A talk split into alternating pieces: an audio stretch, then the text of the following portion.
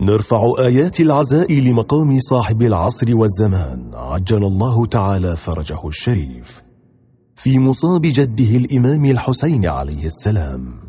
شبكة المنير تقدم لكم محاضرة سماحة الحجة السيد منير الخباز دام عطاء. في الليلة الحادية عشر من شهر محرم الحرام لعام 1441 للهجرة النبوية. وذلك في حسينية سنان بالقطيف. صلى الله وسلم عليك يا رسول الله وعلى أهل بيتك المنتجبين يا ليتنا كنا معكم. فنفوز فوزا عظيما. أعوذ بالله من الشيطان الغوي الرجيم. بسم الله الرحمن الرحيم.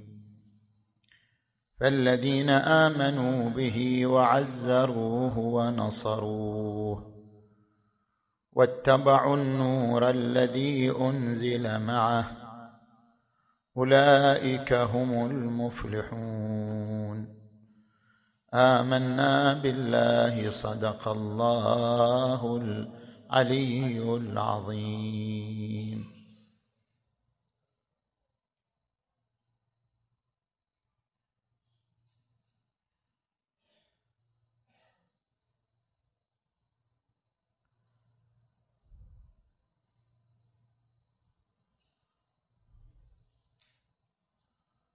ربط الحسين بن علي صلوات الله وسلامه عليه مشروعه الاصلاحي بالشخصية المحمدية في كل تفاصيله وجميع شؤونه. كل مشروع كي يضمن النجاح يحتاج إلى عدة عناصر. القاعدة والبناء والإنجاز العملي وضمان المبادرة وإزالة العوائق. فهذه الع... فهذه العناصر التي يحتاج إليها كل مشروع استند الإمام الحسين عليه السلام في تحقيقها إلى الشخصية المحمدية. العنصر الأول ألا وهو عنصر القاعدة. أول خطوة من خطوات أي مشروع ديني ثقافي تجاري. وجود القاعدة التي ينطلق منها ذلك المشروع. وهنا ركز الحسين عليه السلام في أول حديث له عن مشروعه ركز على القاعدة النبوية التي ينطلق منها. فقال لوالي المدينة يا أمير أنا أهل بيت النبوة ومعدن الرسالة ومختلف الملائكة ويزيد رجل فاسق ويزيد رجل فاسق شارب للخمر قاتل للنفس المحترمة ومثلي لا يبايع مثله. لماذا عبر الحسين ببيت النبوة؟ لماذا لم يقل الحسين أنا أهل بيت النبي أهل بيت رسول الله؟ لم يقل نبي قال النبوة أنا أهل بيت النبوة. هذا التعبير يرمز إلى القاعدة الروحية التي ينطلق منها مشروع الحسين عليه السلام. الحسين لم يكن ابن بنت النبي فقط بل كان ابن سلالة كلها أنبياء. هو لم يخرج من بيت نبي وإنما خرج من بيت كله أنبياء كله مرسلون. الحسين عليه السلام هو سلالة إبراهيم الخليل وإبراهيم الخليل أبو الأنبياء كما يعبر عنه الأحاديث والروايات والقرآن الكريم يشير إلى هذا البيت الذي هو بيت يقطر نبوة ورسالة ووصاية عندما يقول القرآن الكريم لقد أرسلنا نوحا وإبراهيم وجعلنا في ذريتهما النبوة والكتاب. ويقول القرآن الكريم إن الله اصطفى آدم ونوحا وآل إبراهيم وآل عمران على العالمين ذرية بعضها من بعض. ويقول القرآن الكريم عن هذه الأسرة التي كلها أنبياء وكتب ورسالات وأوصياء وجعلناهم أئمة يهدون بأمرنا لما صبروا وكانوا بآياتنا يوقنون. اذا القاعدة الروحية التي يستند إليها الحسين في مشروعه هي أن الحسين فرع من تلك الدوحة النبوية. لأجل ذلك قال إنا أهل بيت النبوة. ومختلف الملائكة. فرق بين منزل الملائكة ومختلف الملائكة. الملائكة تنزل على كل بيت يكون مهدا لطاعة الله عز وجل. ورد عن النبي صلى الله عليه وآله إن البيت الذي يقرأ فيه القرآن تحضره الملائكة وتهجره الشياطين ويضيء لأهل السماء كما يضيء الكوكب الدري لأهل الأرض. بيت القرآن تحضره الملائكة. لكن الإمام لم يقل تنزل الملائكة تحضر الملائكة. قال مختلف الملائكة. وما هو المقصود بالمختلف؟ أي لا تغيب الملائكة عن هذا البيت. وفود تذهب ووفود تأوي. بيت تختلف عليه الملائكة بمعنى أن الملائكة بألوانها بأنواعها بأقسامها تختلف على هذا المنزل أي تتعاقب عليه بين وفود ذاهبة ووفود آتية ومختلف الملائكة لأنه بيت النبوة ومعدن الرسالة. نأتي إلى العنصر الثاني. ألا وهو عنصر البناء. هذه القاعدة بعد البناء. أنت اليوم في زيارة عاشوراء اللي قريتها شنو العبارة اللي في زيارة عاشوراء؟ عبارة دقيقة. أبرأ إلى الله وإلى رسوله ممن أسس أساس ذلك. وبنى عليه بنيانه وجرى في ظلمه وجوره عليكم. يتحدث عن مراحل ثلاث تأسيس وبناء وإنجاز عملي. شوف الظلم مشروع الظلم أخذ مراحل ثلاث. كما أن مشروع الظلم أخذ خطوات ثلاث مشروع الإصلاح في مقابله يأخذ هذه الخطوات. العصابة الأموية قامت بهذه المراحل الثلاث مرحلة التأسيس لظلم أهل البيت. ثم انتقلت إلى المرحلة الثانية مرحلة البناء على ذلك على تلك الأسس. ثم انطلقت إلى المرحلة الثالثة ألا وهي مرحلة تفعيل الظلم بشكل عملي تفصيلي. أبرأ إلى الله ممن أسس أساس الظلم وبنى عليه بنيانه وجرى في ظلمه وجوره عليكم. كما أن مشروع الظلم اعتمد على مراحل ثلاث. مشروع الإصلاح أيضا اعتمد على مراحل ثلاث. المرحلة الأولى التقعيد والتأسيس بيت النبوة. والمرحلة الثانية مرحلة البناء. لاحظ عندما تقرأ آية المباهلة. آية المباهلة فمن حاجك فيه من بعد ما جاءك من العلم فقل تعالوا ندعو أبناءنا وأبناءكم ونساءنا ونساءكم وأنفسنا وأنفسكم ثم نبتهل فنجعل لعنة الله على الكاذبين. قضية المباهلة ما كانت قضية شخصية. خلاف شخصي ولا قضية اجتماعية ولا قضية سياسية أبدا. قضية المباهلة هي قضية دينية محضة. أي الديانتين أحق؟ الديانة النصرانية أم الديانة الإسلامية؟ مسألة دينية بحتة.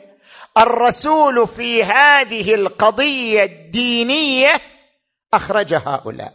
عليا فاطمة حسنا حسينا. لماذا؟ لو قضية اجتماعية قلنا ما يخالف يطلع اهله وياه لأنه داخل في قضية اجتماعية وقضية أسرية. لماذا أخرج هؤلاء في قضية دينية؟ بحتة. أراد أن يعلم المسلمين درسا وبيانا أن البناء الذي يعتمد عليه الدين في مسيرته هم هؤلاء الأربعة. علي فاطمة حسن حسين. بيت النبوة هو القاعدة لكن البناء الذي تأسس وقام على هذه القاعدة وهي بيت النبوة هذا البناء هو الذي تشكل من أركان أربعة علي وفاطمة وحسن وحسين. فالحسين ركن في البناء. الحسين جزء من البناء. الحسين عضو من البناء. لذلك الحسين بن علي يشير إلى هذا العنصر الثاني ألا وهو عنصر البناء. عندما يقول لن تشذ عن رسول الله لحمته. أنا ماشي مثل الرسول. ما يصير اشذ عنه طريقي طريقه. لن تشذ عن رسول الله لحمته بل هي مجموعة له في حظيرة القدس تقر بهم عينه وتسر بهم نفسه. طريقي طريق رسول الله دربي درب رسول الله لأني أحد أركان هذا البناء الذي يحمل على عاتقه الدين وأعباء الدين. وأهداف الدين. دول الجماعة ليش جالسين هنا؟ حصروا روحكم بين الكراسي. تعالوا هنا. أنا قاعد وأنا متألم. تعالوا عشاني هنا تعال. قالوا منا أحسن.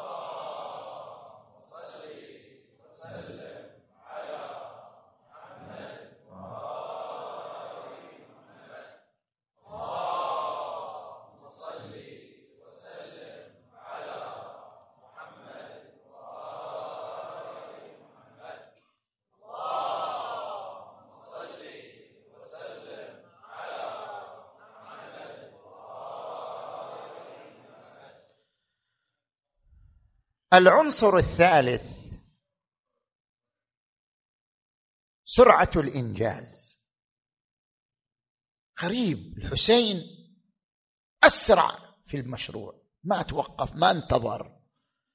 ربما شخص يقول توقف شوية خلي يتأنى خلي يشوف. ابدا بمجرد بمجرد أن أصبح يزيد في موقع العرش اعترض الحسين.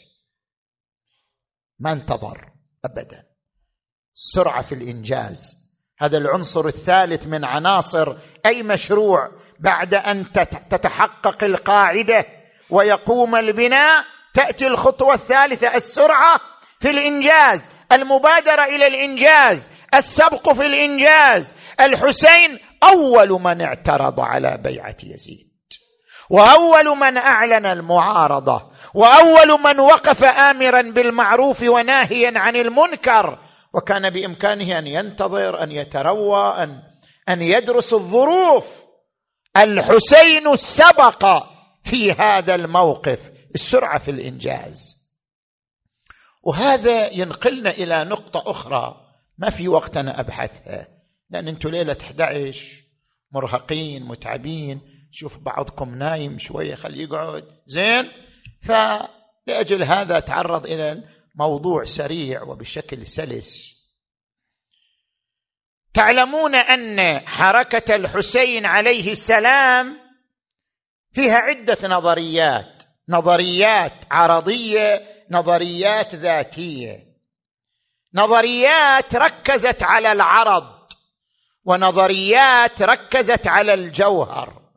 هناك نظريات قامت بتحليل عرضي لحركة الحسين. مثلا أن حركة الحسين تتلخص في رفض بيعة يزيد بن معاوية أو أن حركة الحسين تتلخص في الاستجابة لنداء أهل الكوفة. هذا نسميه تحليل عرضي ما راح لجوهر الحركة. ما راح لذات الحركة. ليش؟ افترض يزيد ما عرضت على ما عرضت على الحسين بيعة يزيد. يعني ما راح يتحرك؟ افترضوا ما حد قال للحسين بايع يزيد. افترضوا. افترضوا قال له والله انت على راحتك. يا أبا عبد الله تريد تبايع؟ ما تريد تبايع على كيفك.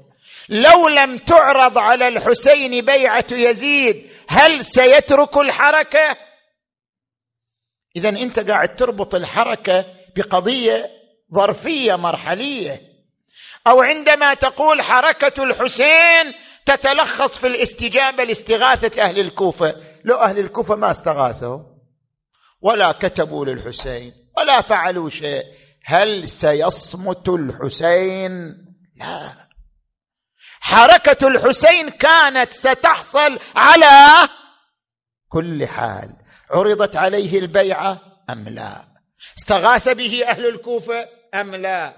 الحسين سينطلق على كل حال. اذا تحليل حركة الحسين برفض البيعة أو بالاستجابة لأهل الكوفة هذا تحليل عرضي وليس تحليلا لذات الحركة وجوهر الحركة. جوهر الحركة فيه نظريتان. النظريه الأولى أن الحسين ثار من أجل إقامة حكومة عادلة يريد يسوي انقلاب. يخلع يزيد ويضع نفسه حاكما للبلاد الإسلامية. هذه النظرية الأولى. والنظرية الثانية لا.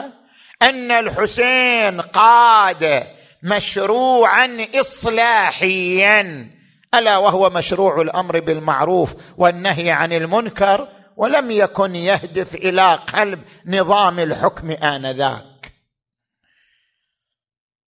انت من تجي إلى تصريحات الحسين شوفها متلائمه مع النظريه الثانية لا مع النظرية الأولى. الحسين غض النظر عن كونه إمام معصوم نتيجة رجل ذكي حكيم قادر على قراءة الظروف والمعطيات الظرفية آنذاك. فمن المستحيل على الحكيم أن يهدف لقلب النظام بأن يصبح هو رئيس النظام من دون أن يمتلك المؤهلات والمقومات لهذا المشروع. مستحيل. اولا الجيش الأموي كان جيشا قويا غزا الروم وتمكن من بلادها. ولم يكن في مقابل الحسين يمتلك أي شيء. لا عده ولا عتاد شيء قوم. زين؟ ثانيا الحسين يعلم جيدا ببطش الأمويين. تاريخ الأمويين معروف. مع حجر بن عدي مع ميثم التمار مع غيرهم من صحابة الإمام علي وأبنائه. تاريخ معروف. تاريخ البطش وتاريخ الفتك. والحسين مطلع على ذلك أن أي محاولة لأن يصل إلى هذا المكان ستكون هذه المحاولة مواجهة بلغة البطش والفتك. ثالثا الحسين نفسه أنبأ عن مقتله عدة مرات والشخص المتنبئ بأنه سيقتل كأني بأوصالي تقطعها. عسلان الفلا بين النواويس وكربلاء والله لا يدعوني حتى يستخرجوا هذه العلقة من جوفي. الانسان المتنبئ بمقتله كيف يقود حركة؟ لأن يصبح حاكما وهو متنبئ بأنه سينتهي وسيقتل قبل أن يصل إلى ذلك. اذا من تقرأ المعطيات التاريخية. والتصريحات الحسينية تصل إلى حد القناعة أن مشروع الحسين لم يكن مشروع الوصول إلى الحكم. أن مشروع الحسين لم يكن مشروع خلع يزيد وإنما كان مشروع الحسين مشروع الإصلاح تحريك الأمة. أن يحرك الأمة في مجال الاعتراض على الظلم والجور وانتشار البدع وانتشار الجور وانتشار التخلف آنذاك كان مشروعا اصلاحيا موسوما بحركة الأمر بالمعروف والنهي عن المنكر. إني لم أخرج اشرا ولا بطرا ولا مفسدا ولا ظالما وإنما خرجت لطلب الإصلاح. في أمة جدي أريد بكلمة مختصرة. ان آمر بالمعروف وأنهى عن المنكر. زين. من المؤشرات على أن هذا هو مشروع الحسين هو السبق. ما انتظر الحسين. يعني الإنسان اللي يريد يسوي دولة غير ينتظر يهيئ جيش يقرأ الظروف. زين. يمكن رسالته من الأمصار مختلف الأمصار والامكنه ابدا.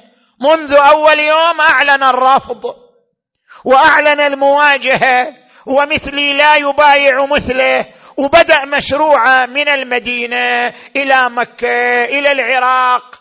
هذا السبق والمبادرة في الإنجاز واستبقوا الخيرات.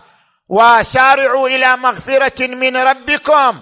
هذا السبق يؤكد لنا أن الحسين عليه السلام ربط هذه الخطوة ربط هذا العنصر ألا وهو السبق بشخصية النبي محمد.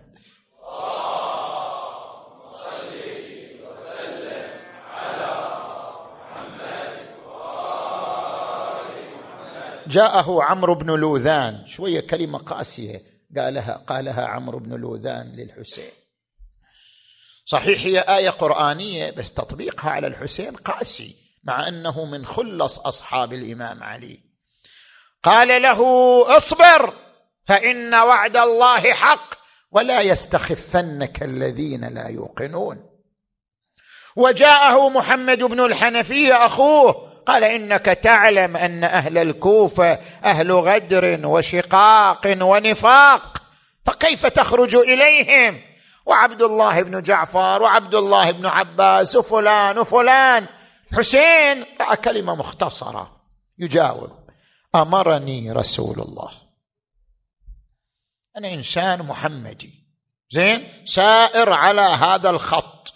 ربط حركة بالنبي. أمرني رسول الله بأمر وأنا ماض فيه. ما هو هذا الأمر؟ أفصح عنه الحسين عليه السلام في مكة المكرمة. إنا سمعنا ممن سمع عن رسول الله صلى الله عليه وآله أنه قال من رأى منكم سلطانا جائرا فلم يغير عليه بقول ولا فعل. كان حقا على الله أن يدخله مدخله. ألا ترون إلى الحق لا يعمل به؟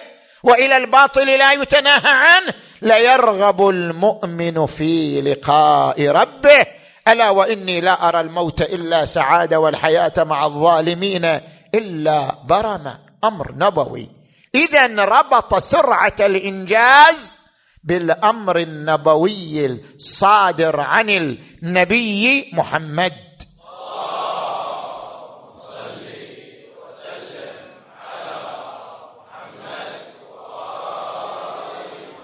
العنصر الرابع إزالة العوائق. طيب أنت كيف تنجح في المشروع؟ ما لم تزل العوائق والموانع أمام نجاح المشروع. هذه هذه العوائق إصرار الجيش الكوفي التابع للسلطه الأموية آنذاك إصراره على قتال الحسين وإعاقة مشروعه. حسين إذا تقرأ إذا تقرأ خطبة يوم عاشوراء أغلبها يركز على دفع العائق. القاعدة أسسها في كلماته في المدينة ومكة. البناء شرحه في خطاباته في المدينة ومكة. السبق في الإنجاز والمبرر له شرحه قبل أن يصل إلى كربلاء. لما وصل إلى كربلاء شاف عائق أمامه أمام حركته أمام مشروعه. اذا بدأ بإزالة هذا العائق. إصرار هذا الجيش على قتاله كيف يدفع هذا العائق؟ الحسين عليه السلام. دفع العائق بالتركيز على ثلاثة عناصر في شخصيته العلوية الفاطمية الحسنية الحسينية. العنصر الأول الرصيد التاريخي. شوف أنت من تقرأ هالعبارة طبعا هذه أوائل أول أول خطابات الحسين هذه اللي قالها أمام الجيش يوم عاشوراء عندما وقف على فرسه وخاطب الجيش. أيها الناس انسبوني من أنا ثم ارجعوا لأنفسكم فعاتبوها. هل يحل لكم قتلي؟ وانتهاك حرمتي؟ ألست ركز على هالفقرات ألست ابن بنت نبيكم؟ وابن وصيه وأول المؤمنين بالله والمصدق برسوله بما جاء به من عند ربه أوليس حمزة؟ سيد الشهداء عمي أوليس جعفر؟ الطيار عمي. ليش الحسين يذكر هذا؟ النسب ما إلى قيمة في الإسلام صح؟ الإسلام ألغى القيمة النسبية. أنت ابن من وأهلك منه وعشيرتك منه؟ ما لها قيمة ما لها اعتبار. يا أيها الناس إنا خلقناكم من ذكر وأنثى وجعلناكم شعوبا وقبائل لتعارفوا إن أكرمكم عند الله أتقاكم. وورد عن النبي صلى الله عليه وآله كلكم لآدم وآدم من تراب. فاذا ليش الحسين يصر على النسب؟ ترى ذاك عمي وذاك جدي وهذا والدي. شنو الغرض من هذا؟ بيان الرصيد التاريخي للنضال. نضالي ما جاي من فراغ. أنا ما جئت من مغارة جبل. زين؟ ولا خرجت. زين؟ ولا خرجت من تحت الرمال. مشروعي ألا وهو مشروع الإصلاح. له تاريخ يمتد به. أنا امتداد لذلك التاريخ. تاريخ النضال وتاريخ الجهاد وتاريخ الدفاع عن القيم والمبادئ. أذكر لكم فصول من التاريخ الذي أنا امتداد له. علي حمزة جعفر. علي عبر عنه بالتصديق. أول المؤمنين بالله والمصدق برسوله. تصديق الإمام علي طبعا مو تصديق لفظي. تصديق شنو؟ تصديق عملي. تصديق علي والا ما يصير ميزة؟ وكثير صدقوا بالنبي صلى الله عليه. تصديق العملي. شنو معنى التصديق العملي؟ الزهراء تتحدث عنه في خطبتها. وكلما فغرت فاغرة من المشركين قذف أخاه في لهواتها. حاضر. علي هو الضمان لاستمرار الرسالة. علي هو الدرع لحماية الرسالة. علي هو الجدار الذي يحوط الرسالة ويصونها. كما يقول جورج رداق يقول الإمام علي عنده حس أمني. شلون حس أمني؟ إذا تقرأ التاريخ أي حدث يدخل فيه الرسول الإمام علي جنبه؟ ما في ما يترك الرسول في حالة ابدا. أي حدث أي واقعة تقرأها ترى أن عليا إلى جانبه؟ يعني كان يشكل شنو؟ شك الحماية درع إلى رسول الله صلى الله عليه وآله. عند حش أمني من كل حدث من كل ظرف من كل خطوة يخطوها النبي صلى الله عليه وآله. تجد عليا إلى جانبه. كلما فغرت فاغرة من المشركين قذف أخاه. في لهواتها. فلا ينكفئ حتى يطأ صماخها بأخمصه ويخمد لهبها بسيفه مكدودا في ذات الله مجتهدا في أمر الله. لا تأخذه في الله لومه لائم اذا هذا هو التصديق. التصديق العملي هو هذا. أول المؤمنين بالله والمصدق برسوله بما جاء به من عندي ربه تصديق عملي. ومن حمزه سيد الشهداء الذي بذل روحه في سبيل مبادئه وجعفر ذو الجناحين الذي بذل روحه في سبيل مبادئه. اذا أنا عندي عنصر مهم عنصر تاريخي رصيد تاريخي كله نضال كله دفاع عن القيم والمبادئ. هذا العنصر الأول. العنصر الثاني أن الحسين ثقل رسول الله. حديث متفق عليه بين المسلمين. صحيح مسلم مستدرك الحاكم جميع المسانيد اتفقت على هذا الحديث. إني مخلف فيكم الثقلين كتاب الله وعترتي أهل بيتي. ما إن تمسكتم بهما لن تضلوا بعدي. في كل زمن يوجد هذان الثقلان كتاب الله وعترتي أهل بيتي. وعلى الأمة التمسك بهما وعلى الأمة الاستنان بهما طيب الثقل الأول معروف القرآن الكريم. من الذي يمثل الثقل الثاني يوم كربلاء؟ ما في غير الحسين. فالحسين عندما يتعرض إلى هالكلمات جاي يذكرهم بحديث الثقلين.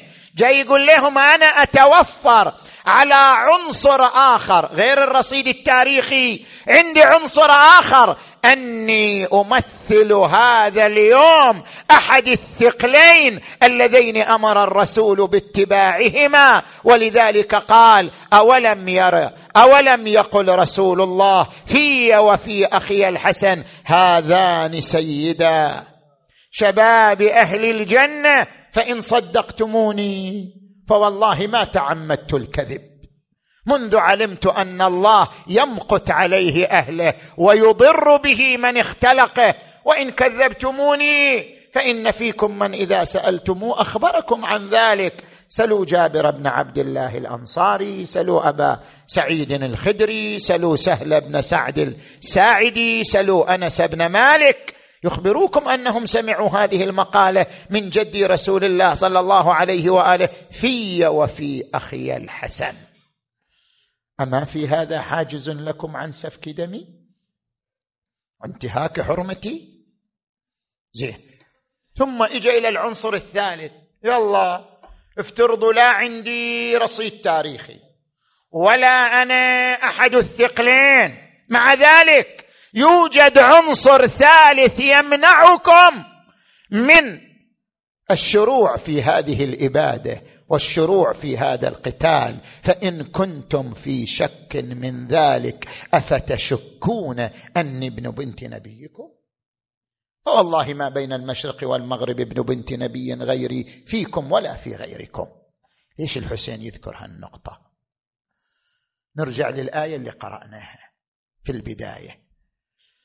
الآية التي قرأناها الذين آمنوا به وعزروه ونصروه واتبعوا النور الذي أنزل معه. أولئك هم المفلحون. آمنوا به معروفه نصروه أم معروفة؟ عزروه يعني شنو؟ ما معنى تعزير رسول الله صلى الله عليه وآله؟ تعزير رسول الله واجب على كل مسلم أن يعزر رسول الله. ما هو تعزير رسول الله؟ حفظ حرمته. للنبي حرمة. حفظ حرمة النبي صلى الله عليه وآله. تعزير النبي حفظ حرمته. وحفظ حرمته واجب على كل مسلم ومسلمة. الحسين يريد يأكد هذا العنصر. إن لم يكن لي تاريخ ولم أكن أحد الثقلين فعلى الأقل حفظ حرمة رسول الله وتعزيره تقتضي أن تراعوا حياتي وتراعوا وجودي. فأنا ابن بنته أي أنا الذي أمثله حفظ حرمته في ذريته حفظ حرمته في نسله حفظ حرمته في أبنائه. فوالله ما بين المشرق والمغرب ابن بنت نبي غيري فيكم ولا في غيركم. يا حجار بن أبجر ويا قيس بن الأشعث ويا شبث بن ربعي ألم تكتبوا لي أن أقبل إلينا؟ فلقد اخضر الجناب واينعت الثمار؟ وإنما تقبل على جند لك مجندة. قالوا ما فعلنا ذلك؟ يا أبا عبد الله. قال بلى والله لقد فعلتم. قال له الشمر بن ذي الجوشن يا حسين انزل على حكم بني عمك. فإنهم لن يروك إلا ما تحب. قضية سهلة.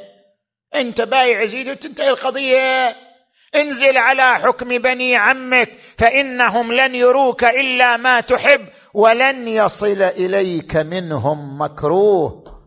قال أنت أخو أخيك. إيش معنى أنت أخو أخيك؟ لأن أخوه هو اللي ساهم في قتل مسلم بن عقيل. جاي يقول له أخوك ساهم في قتل مسلم وأنت جاي تساهم في قتلي. زين أنت أخو أخيك. أتريد بني هاشم أن يطلبوك بأكثر من دم مسلم بن عقيل؟ والله لا أعطيكم بيدي إعطاء الذليل.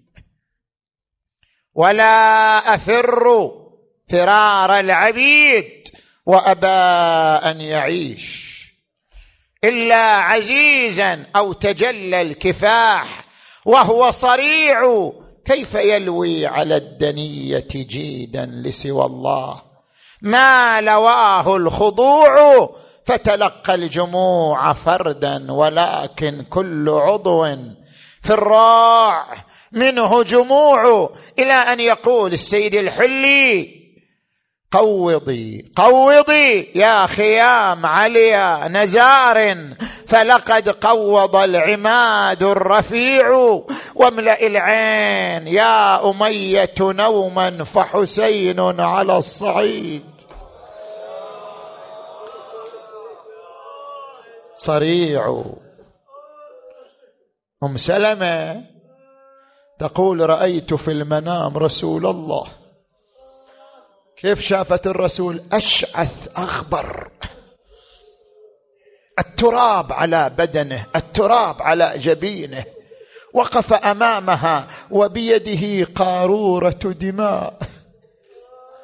قالت يا رسول الله ما بك؟ ما الذي أصابك؟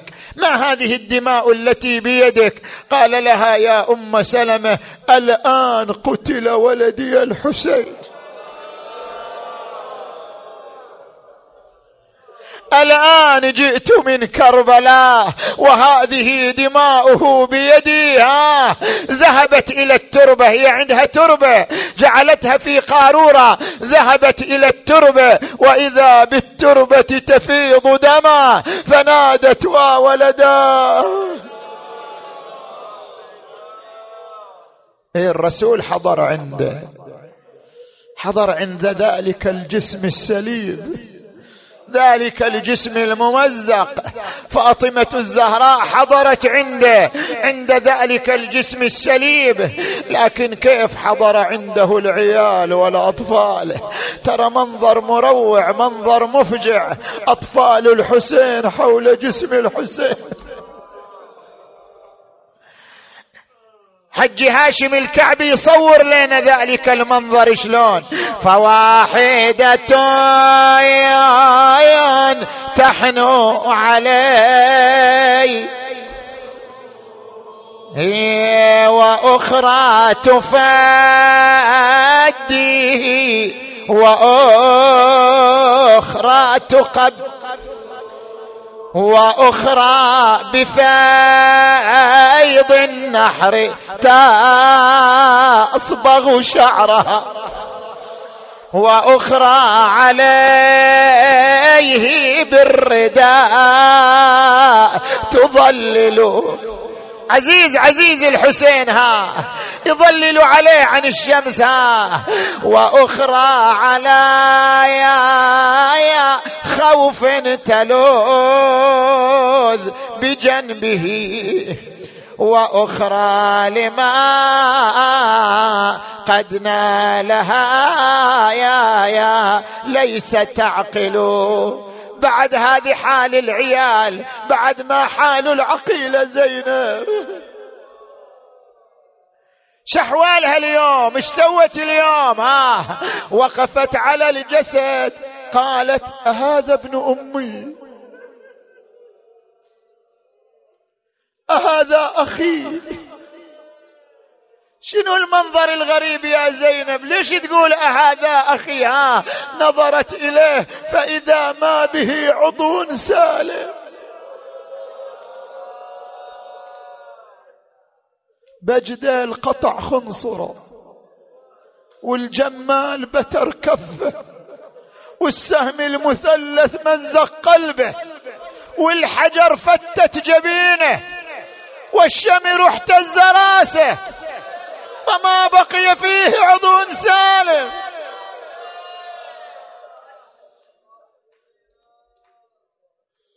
وحسينا وإماما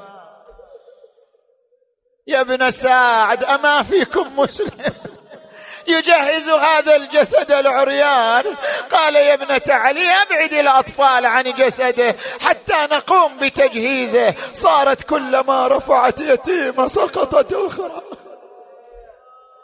يتامى.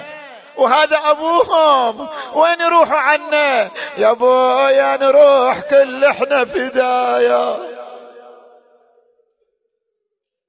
أخذني إلى القبر يا حسين وياك إيه غيبة يا ابويا وقعدتناك وأقول أن يوما ويومين يسدر. الله أكبر. مصيبة عظيمة. أبعدت الأطفال عن جسده. أبعدت اليتامى عن جسده. ترى هذه المصيبة ما تقل عن مصيبة السابقه هذه المصيبة ما تقل عن مصيبة رأس الحسين ها. بينما زينب واقفة يا رسول الله يا فاطمة الزهراء وإذا بعشر من خيول الأعوجية تنعلت بالحديد وداست على صدر الحسين. حسيناه وإماماه.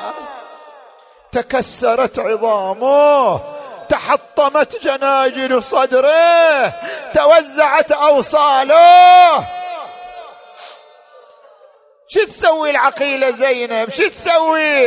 التفتت إلى المدينة. جد يا رسول الله يا يا. صلى عليك مليك السماء يا يا. هذا حسين يا ياك بالعراء محزوز الرأس من القفا. مسلوب العمامة والرداء إيه بأبي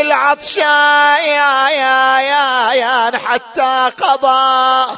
بأبي الظما يا يا يا حتى مضى. يا جدي يا جدي مات ما حد وقف دونه. دونه ولا نغار غمض له عيونه.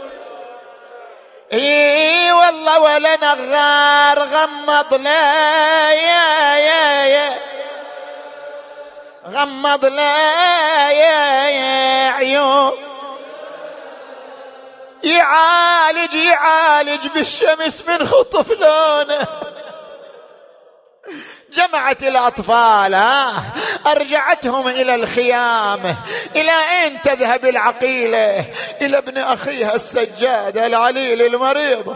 تمرضه تداويه ها؟ بينما هي جالسة مع العليل. اسمع المصيبة الثالثة.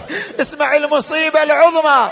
بينما هي مع العليل تمرضه. وإذا به يقول عم زينب ارفعي طرف الخيمة.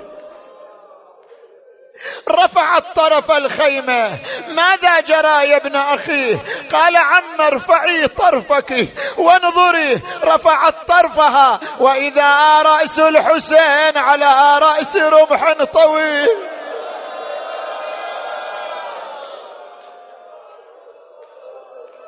إيه. يقول الشيخ الدربندي والعروق تتدلى من رقبته تشخب على خديه الله يساعدها هذا رأس الحبيب هذا رأس العزيز أبي عبد الله. يا شايل رشايل رأس حامينا ولينا ولينا يا يا دريض خليت ودع سكينة. إيه والله دريض خليت ودعايا ودعايا سكي. ليش حسين ليش حسين ساكت عن ونينة؟ تقل لي تعب لا جرحات خده بعد بعدها ننتهي بهذا إلى أن حل ظلام الليل.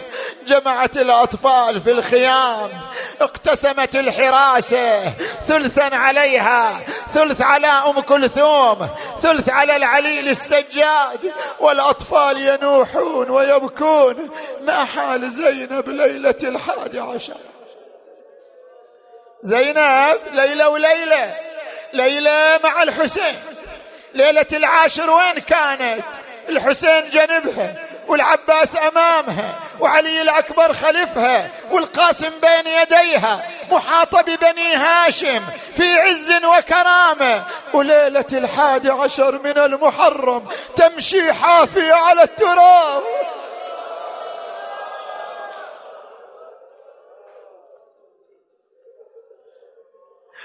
ليلة الحادي عشر من المحرم تصلي من جلوس. ما تقدر توقف على قدميها. أتعبتها المصيبة هدت أركانها.